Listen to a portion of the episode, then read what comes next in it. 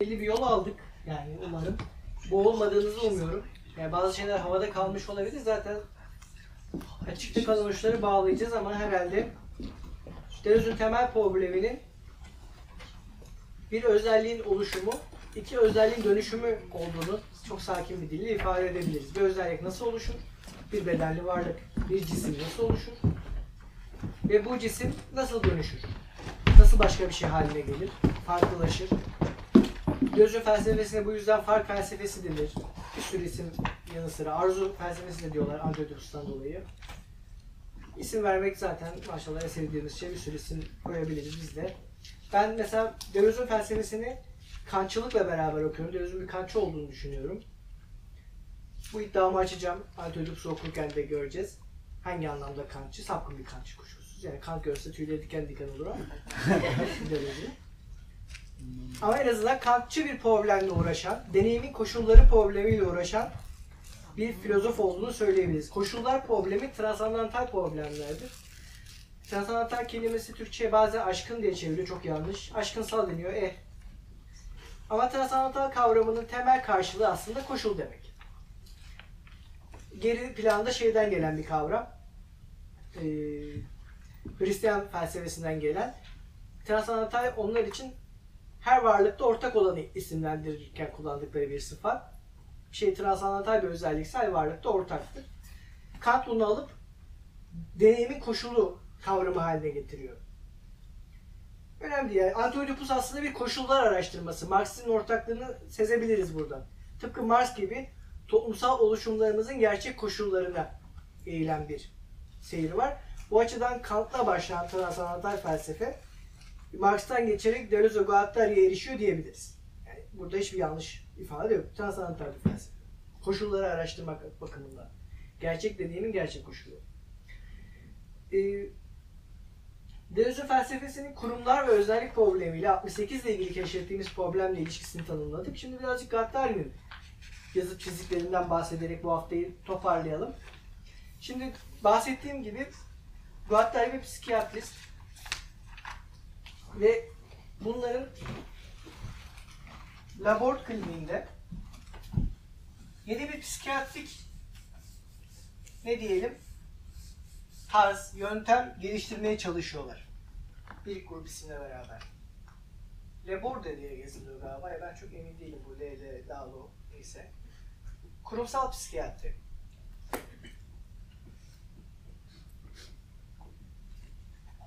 Bu kurumsal psikiyatri fikrinin kuruluşunun öncülerinden biri de Fanon. Fiili olarak öncülerinden. Yani sadece düşünce bakımından değil. Fiili öncülerden biri de Fanon. Bu yine sömürgecilik meselesiyle ilgili ilginç bir bağlantı seriyor. Süreklilik sağlıyor bize gördüğünüz gibi. Ne diyor kurumsal psikiyatri? Çok temel bir şey söylüyor aslında. Ee, geleneksel psikiyatri ve psikanaliz e, psikik problemleri bireysellik içinde analiz eder.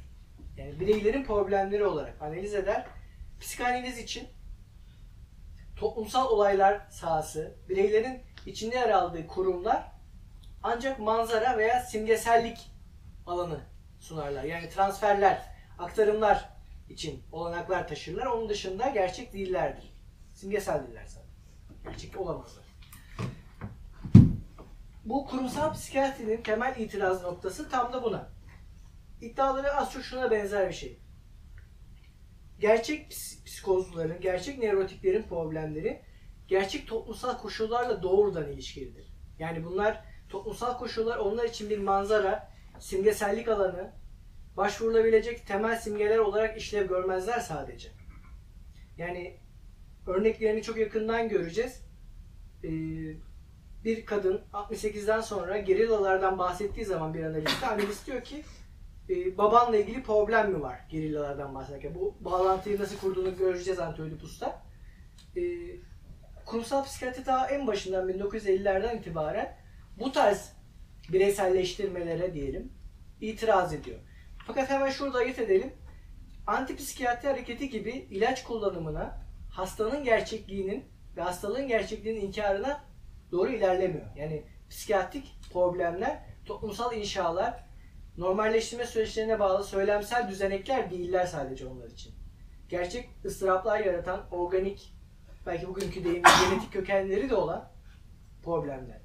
Ama her halükarda bu kökenler, bu koşullar verili olsa bile toplumsal olana yönelik bütün yatırımlar ve hastanın bu konudaki bütün ifadeleri, anlattığı bütün hikayeler doğrudan analizin parçası kılınıyor. Kurumsallıktan kasıt bu.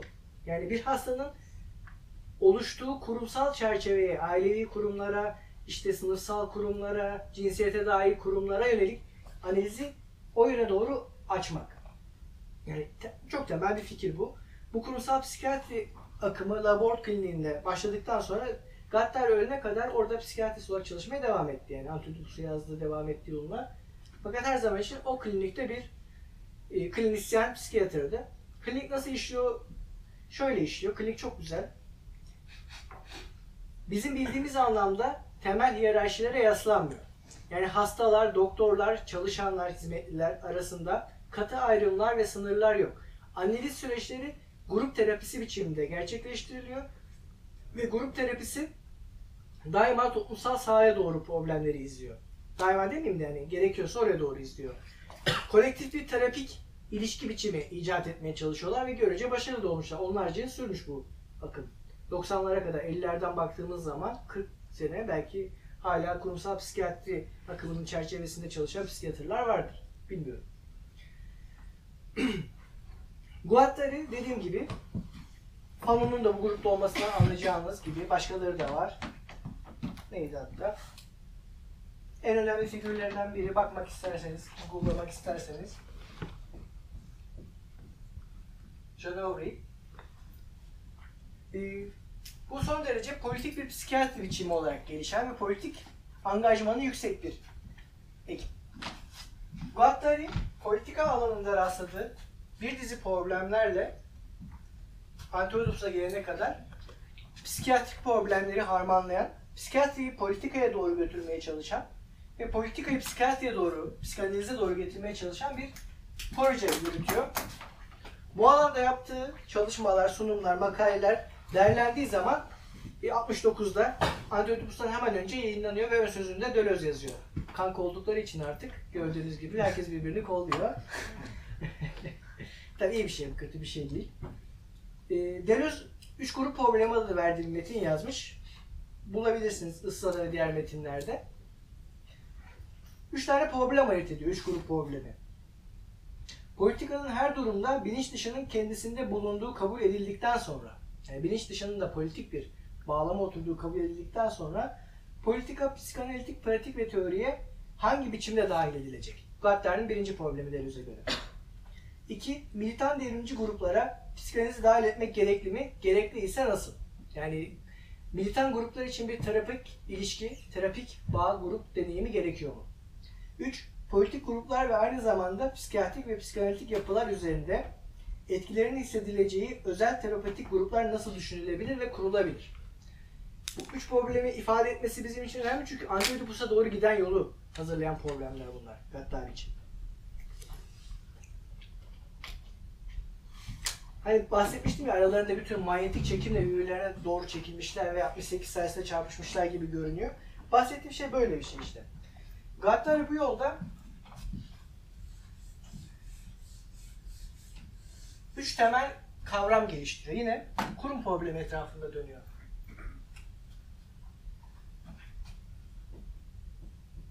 Tabi grup, özne grup ve çaprazlık. Transversalik işte.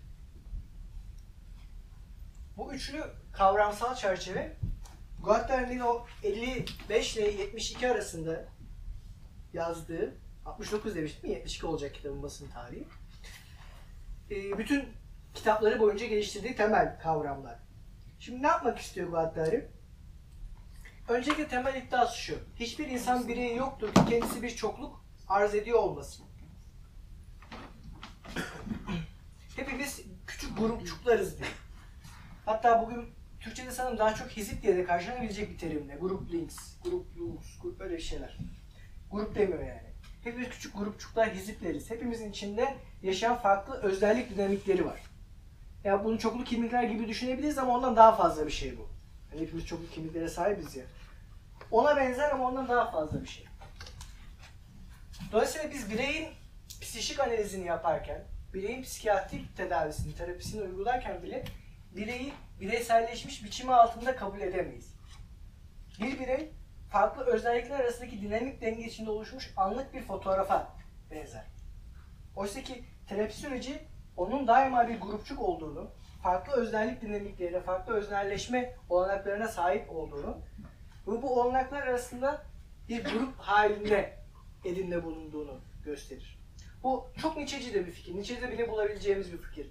Nietzsche'de güç istencinin bir yerine der ki bir bedende çoklu ruhlara sahibiz. Bir beden dediğimiz şey çoklu ruhlara sahiptir. Hatta onun içine dans ederler falan diye. Peki burada e, mesela terapiye ihtiyaç duyan bir bireyin e, biyolojik problemleri de olabiliyor. Mesela hormonal problemlerden dolayı ya da işte lityum eksikliğinden dolayı bipolar olabiliyor. Hani bu tür böyle biyolojik semptomları nereye koyuyor? Hani, Bir yere koymuyor. Onlara ilaçla tedavi ediyor. İlaca karşı değiller. Hmm. Yani öyle bir şey yok. Antipsikiyatri takımına ayırma vermeye çalışırken onu söyledim. Yani salt lityum eksikliğine bağlı bir problem varsa lityum eksikliğini lityumla gidip konuyu kapatırlar herhalde. Her, Psikoterapi sürecine Tabii. buna bağlıyorlar. yani. Evet evet evet. Tabii. Psikiyatr bu insanlar. Yani bunu unutmayalım. Guattara dahil olmak üzere buradaki herkes psikiyatr. Dolayısıyla ne ilaca karşılar ne de başka bir şey. Yani bir şey tabii ki de salt fizyolojik olabilir ve başka hiçbir yansıması olmayabilir. Bu çok zor olsa da. Yani böyle bir şey mümkün ama yine. de. Ama bireysel psikoterapiye karşı tamamen karşı bir görüş. Tabii tabii tabii tabii. Bireysel daha doğrusu bireyle psikoterapi yapmaya karşı değiller. Her ne kadar grup terapisini daha çok yapıyor olsalar da. Fakat bireyle grup terapisi, bireyle terapi yapılırken bile yaptıkları şeyi grup terapisi olarak kabul ediyorlar. İncelik burada sanırım. Yani Sonuçta ortada iki kişi var. hayır, ortada bir kişi gibi görünen çok fazla kişiler var. Ha, birey birey olarak gelmiyor ki oraya. Evet, evet. Aha, birey sadece görüntüsünden ibaret değil.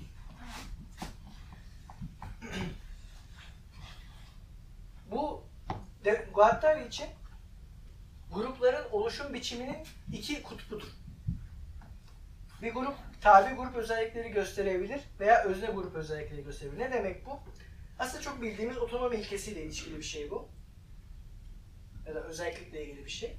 Bir grubun yasası kendini korurken dikkate aldığı ilke dışarıdan gelebilir. Milliyetçi gruplar, işte kimlik biçimlerinin çoğunda olduğu gibi. Ya da bir grubun ilkeleri kendi içinden doğuyor olabilir. Yani kendi ilkelerini kendi koyuyor olabilir. Yani en temelde tartıştığı mesele bu. Bir grubun ilkeleri ne kadar içkinse, ne kadar dışarıdan değilse o kadar özne gruptur. Tersi de tabi gruptur. Bunlar farklı şeyleri de var. Tabi gruplar kapalıdır. Kimlik biçimiyle aşırı sınırlandırılmışlardır. Özne gruplar ise açıktır. Yani başkalaşmaya ve farklılaşmaya açıkta sınırları daha belirsizdir, geçişkendirler. Ee, tabi gruplar ölümü dışlarlar. Bu önemli bir nokta. Bütün faşizmlerin özelliğidir. Ebedilik fantazisi yaratırlar. Yani aslında tabi grup ve özne grup arasındaki fark iki fantezi biçiminde, iki grup fantezisi arasındaki fark. Fantezinin niteliğiyle ilgili. Tabi grupların hepsi ölümü dışsallaştırırlar ve onu durdurmaya yönelik edimde bulunurlar. Ebedi bir ulus anlatısının içinde, ebedi bir cinsiyet anlatısının içinde ne koyarsak yerine, ebedi bir takım futbol taraftarlık içerisinde ölene kadar işte ölümsüzce Beşiktaş. Anlatabiliyor muyum? Bu kadar futbolda uzak futbol gibi bir şey söyledim. yani böyle bir slogan olur mu Allah aşkına? Özne gruplarsa e, ölümü kendi üzerlerine alırlar. Yani kendi ölümlerine doğru ilerlerler sürekli. 68'e tekrar dönün bu çerçeveyle. Kendi sınırlarını aşarlar ve sürekli değişime uğrarlar. Ölürler. Yani ölümlülüğü a priori kabul ederler. Ölümlülük üzerine oynarlar. Yaptıkları hiçbir biçim, bak kurumsallaş, kurumsallaşmaya karşı değil bu. Sadece ölümsüzlük fantezisine karşı bir yan var. Aslında diyor Gattari temelde daha da fazla özellik sayabilirdik ama bütün bunlar diyor aslında tek bir kavramla ilgili. Çaprazlık kavramı ile ilgili. Çaprazlık matematiksel hatta geometrik bir kavram. Bildiğimiz çapraz bir şey değil. Köşegen, diagonal bunlar, bunların hepsi. Şimdi şöyle bir şey hayal edelim. konumuz olduğu için psikiyatri hastanesi olsun. Basitleştiriyorum. Hastalar var. Doktorlar var. Yönetim var. Şimdi çapraz, çaprazlık kavramı şöyle bir şey. Şimdi buradaki iletişim biçimlerinden biri dikey değil mi? Yani aşağıdan yukarıya doğru komutlar, yukarıdan aşağıya doğru raporlar akıyor. Aşağıdan yukarıya doğru. Diğer bir iletişim biçimi yatay. Yataylık bu ara çok gözde.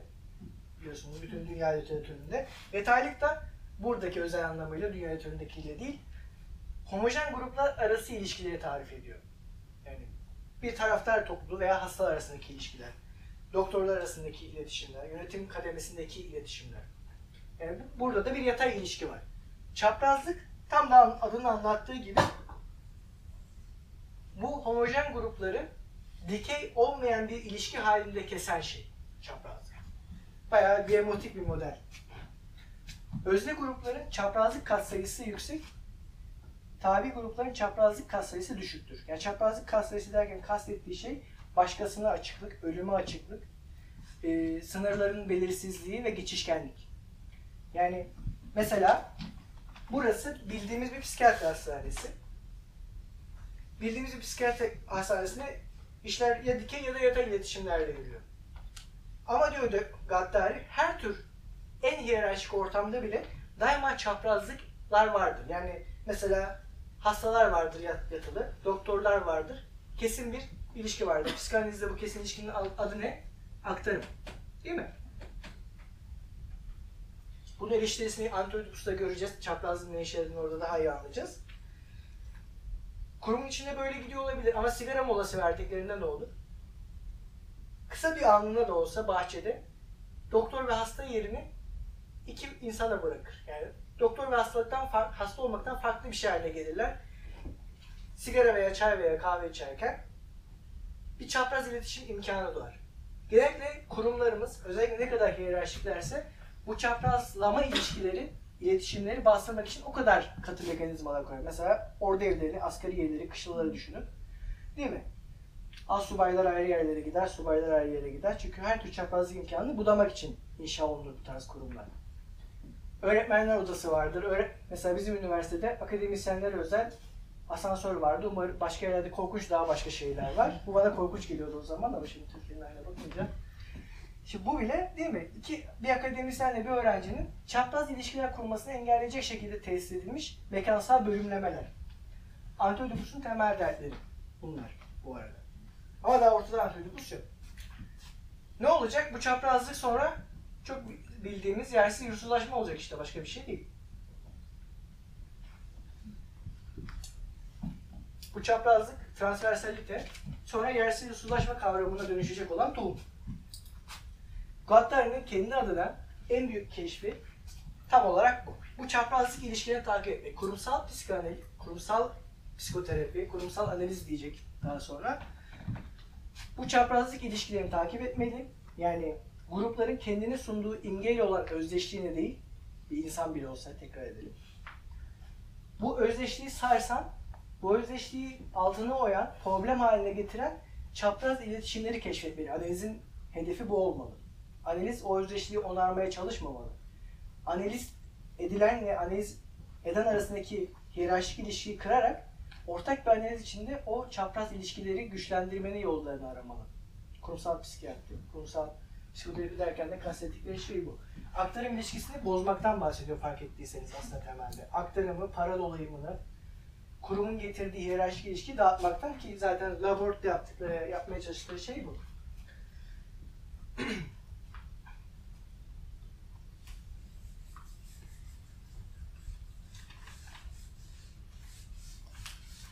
Tabii Gattari'nin tek katkısı bu mu? Hayır. Aslında Antioidipus'a baktığımız zaman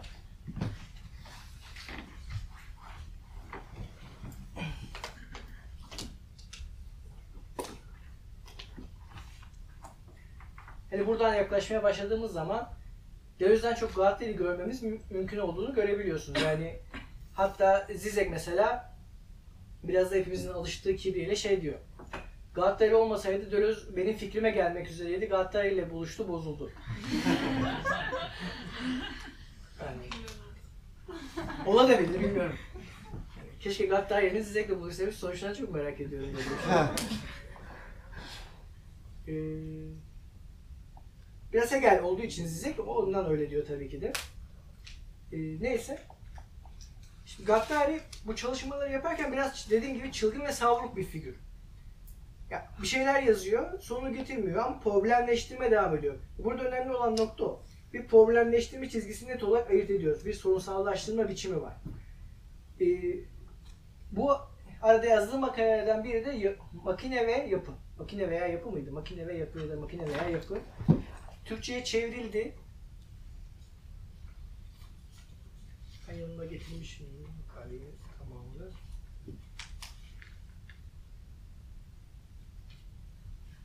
Neyse. Ee, makine ve yapıda ilk defa şimdi Lakancılığı aşacak bir kavram geliştirme derdine oluşmaya başlıyor. Bahsettiğim gibi Guattari aslında Lacan'ın ilk seminerinden beri Lacan'ın düzenli seminerlerini takip eden bir öğrenci. Lacan çevresinde çalışan bir psikiyatrist.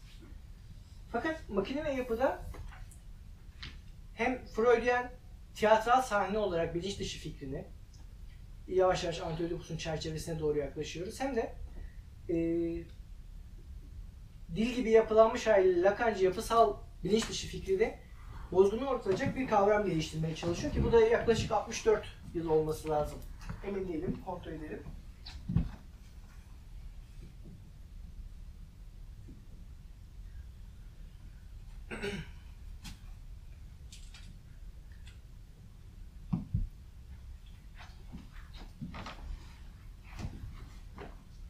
Yok. 64'ten emin değilim. 69 olabilir. Neyse. Burada problem şu yine öznellikle ilişkili bir problem. Biliyorsunuz yapısalcılık yani geniş terimlerle konuşursak yapısalcılık için özne yapı içinde konumlandığı kadarıyla öznedir. Hani Althusser buna çağrılmak diyecek. Başka bir sürü isim verilebilir. Bir özne yapının içerisinde oluşur. Yani yapı ve özne ilişkisinde yapının bir önceliği var. Yapı özneyi üretir. Tersi olmaz. Bu yapısalcılıkta çok derin tartışmalar yaratan bir tema. Çünkü durum böyleyse bir yapının nasıl dönüştüğü, tarihin nasıl oluştuğu gibi problemler askıda kalıyor. Çok klasik yapısalcılık itirazları da zaten buralardan yüklenir yapısalcılığa. Zaten Guattari'nin de Deleuze'ün de çalıştığı dönemde yapısalcılık Fransa'da bir salgın. Yani salgın diyorum da olumlu anlamda diyorum. Yani yeni bir araştırma alanı bu keşfedilmiş. Ve akla gelebilecek olan her şey yapısalcı metodolojilerle e, araştırılıyor. Deleuze'ün de bir metni var hatta bu dönemde yapısalcılık nedir diye. Çok da güzel bir makaledir. E, bir şey mi diyecektim? 69 69'muş değil mi? 69'da soruluyor, 71'de galiba öyle bir şey var. Hani Makine yapı için mi diyorsun? Evet evet. 69 olmalı çünkü anlamı mantığına referansı var Evet, makalenin. 69. Sonra bir de 71 tarihi var. Tamam. İlk bölümü açıp okursanız eğer haftaya kadar e, ilk girişinde tokatlıyor insanı. Yani direkt yaptığı ilk şey bir tane yumruk atmak. E, dediğim gibi ben hani seminerin mantığı zaten gönüllülük üzerine kurulu olduğu için herhangi bir kimsenin okuma zorunluluğu yok. Ben de hiç kimsenin okumadığını varsayarak seminer sunmaya devam edeceğim. E, umarım sizin için beni dinlemek keyifli olmuştur ve haftaya da aynı keyifle devam ederiz. Çok teşekkür ederim geldiğiniz için. Teşekkür ederim.